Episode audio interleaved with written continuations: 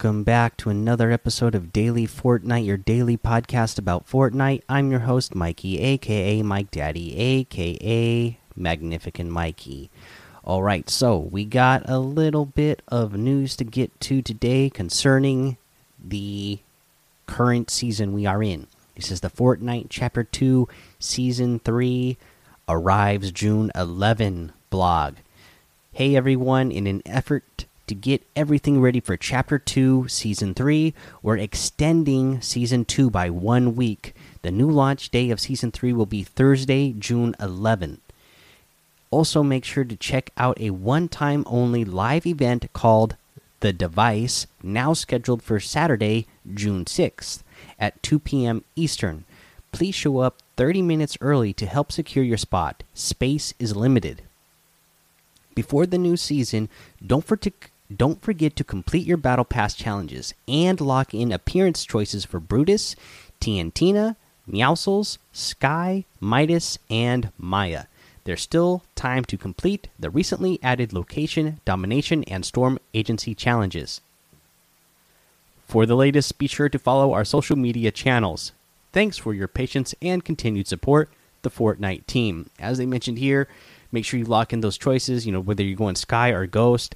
Uh, complete your Maya. I just completed my Maya. Finally locked in my choices on that. I posted that in the Discord uh, and on Twitter. Now let's uh, go ahead and talk about this extension. Obviously, so I, I saw a lot of the uh, Epic executives kind of commenting about this as well on their social medias and just talking about how you know the the Fortnite devs right now because of the pandemic that we got going on they're working from home. So, uh, you know, for them to extend the the the season one week, uh, you know, an additional one week, I totally get that. I totally understand.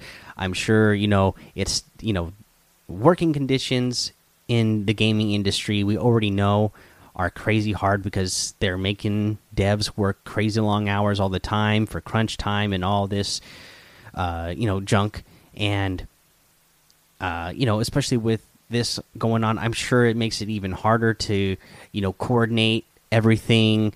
Uh, you know, having to send information back and forth to people to make sure, you know, everything that you know individuals are working on are is coming together and working correctly. So actually, the fact that we're only getting, you know, an additional single week. Uh, extension. We we know this uh, season was already long and extended, but now that we're just going to get just one more additional week. I don't think it's actually that bad considering the uh, you know situation that we are in uh, globally. And then uh, you know I joked about it on Discord, but I think they knew that I was going to be at work this Saturday and next Saturday I actually happen to be off that day, so I'll actually get to be in game. So you know I feel like they they they rescheduled this device event just for me because they knew, hey, you know what? We heard Mikey can't be here uh, this Saturday, but he can be here next Saturday. So let's go ahead and extend this thing out a week for him. That's just jokes, of course. But uh, you know, I actually it, it, actually worked out for me that uh, I'll be able to go uh, attend this event now. So pretty cool. Uh, let's see here. What else did I want to get to in the news? So that's all we have really uh, you know, in-game news related. Now we got to talk about this Ninja Battles Trios tournament that went on today. Uh, that again, the gameplay really cool there. So much fun. Uh, this was trios, and they were playing. Uh, you know, just regular style, but we see that they went ahead. Uh, they must know that you know this ninja ninja battles uh, what you would call it, Ninja Battles tournament that's going on is going to be in here a long time because they added arena trios uh, to the playlist, and it sounds like they're going to be playing for Ninja Battles tournaments going forward. They're going to start playing arena trios that way uh, they can get the siphon and uh, more uh, uh, you know actual competitive settings in for this tournament battle. They they you know they did this week. They finished it out with just the regular normal settings, but uh, you know I think it's just going to make that much more of an exciting uh, viewing experience once they start playing with those competitive settings. Now, of course, we got to talk about this. So, first up, we got to say congratulations to Mackwood, uh, Young Calculator, and Zexrow for winning that tournament. Uh, so that is that is the positive side, right? So we know that those guys won that tournament. Now, again, it was great that this was a really good uh, really good tournament, really exciting. It, was actually fun to watch. Uh, you know, they had a lot of the uh, big name broadcasters that are there uh, from the the normal broadcast doing the broadcast, like MonsterDface, Bala, uh, you know, uh, that did really well on this stream, casting the event. Now, of course, if you didn't see it, Zexrow said some ridiculous things uh, when they interviewed him after they got the win. Just, you know, I don't know, went off the deep end, got ridiculous, uh, totally unprofessional, didn't look good at all. Uh, just what a bad look. And then uh, I feel like at least somebody must, you know, obviously he he's on TSM, and they they must have had people there talking to him about it because he let out a series of apologies uh, afterwards that, uh, you know, were kind of just kind of seemed like, oh, they, they didn't seem like real apologies other than like, oops, my bad type of thing to, you know, after uh, a little while actually getting to a point where it seemed like okay, he's making a genuine apology, realizing he messed up, and uh, you know, I'm assuming it finally got to that point because you know, uh, friends, family, and his organization talked to him after a while. Uh, now, you know, it, it just it was really bad, uh, and I feel bad for his teammates as well, Mac Mackwood, and uh, calculator because you know the, the problem is because of his actions, Mackwood and Young Calc were uh, getting a lot of flack on social media too, as if it was something that they had done wrong, uh, just because Zexrow was their tournament, uh, was their teammate. So uh, that's something that you know, as as a teammate, as a human being, you got to realize that too. Like what you say, you know, your words and your actions aren't just affecting you you know it's going to affect the people around you. So hopefully he's learned that lesson. Who knows what's going to happen? Uh, you know i don't assume that he's going to get uh, invited back to very many of these. Maybe he will. Uh, but uh, i would assume that uh, you know it's not going to be a good look for him. Uh, and not you know you know certain streamers and a certain uh sponsorships are probably not going to want that kind of talk on uh, you know on their streams or you know uh, have their product associated uh, with that kind of talk. So hopefully he's learned from it and uh, can come back stronger from it and you know be a better person overall. Uh, we'll see uh, where where it goes from here though uh, other than that, not a whole lot of news to get to. So let's go ahead, take a break because, of course, we still got the same challenges. No new new challenges have been announced yet or anything. So uh, let's go ahead and take a break here. All right, so let's take a look at today's item shop. We have the Venturion outfit with the Venturion cape back bling in here for 1,500. You know, I really like the way this guy looks.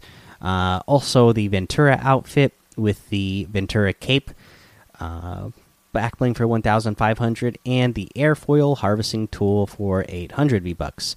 We have the Dark Triceratops outfit with the Dark Hatchling backbling for 1,200, the Dark Rex outfit with the Dark Scaly backbling for 1,200, and the Dark Dino Bones harvesting tool for 800. Uh, we have the Dominion outfit with the Flame Sigil backbling for 1,500. That Burning Beast glider for 1,500. The Burning Blades harvesting tool for 800. The Malice outfit with the Malice wings backbling for 2,000. The Burning Glyph wrap for 500.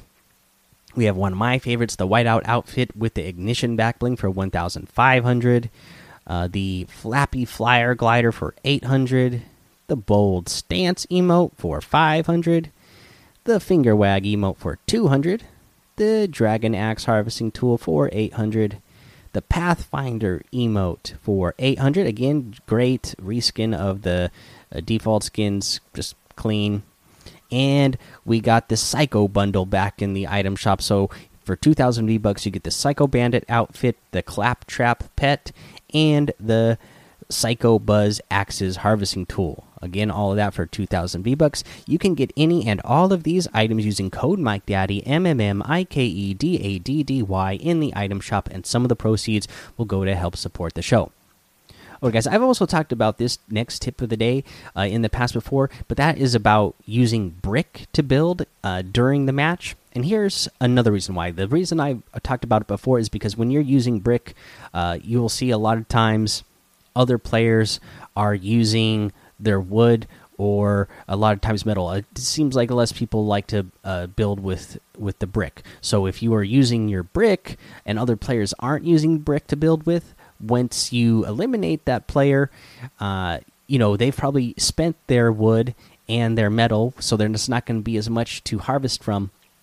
Uh, but the, they should have, uh, you know, if you notice, you know, they're still, you know, doing wood and metal, that they're going to have more brick to uh, pick up which will replace the mats you've used. If you've used a bunch of your own wood and they were also using wood to build with, then you know you're not going to make that much of a gain. You're going to end up with less than what you started with most of the time.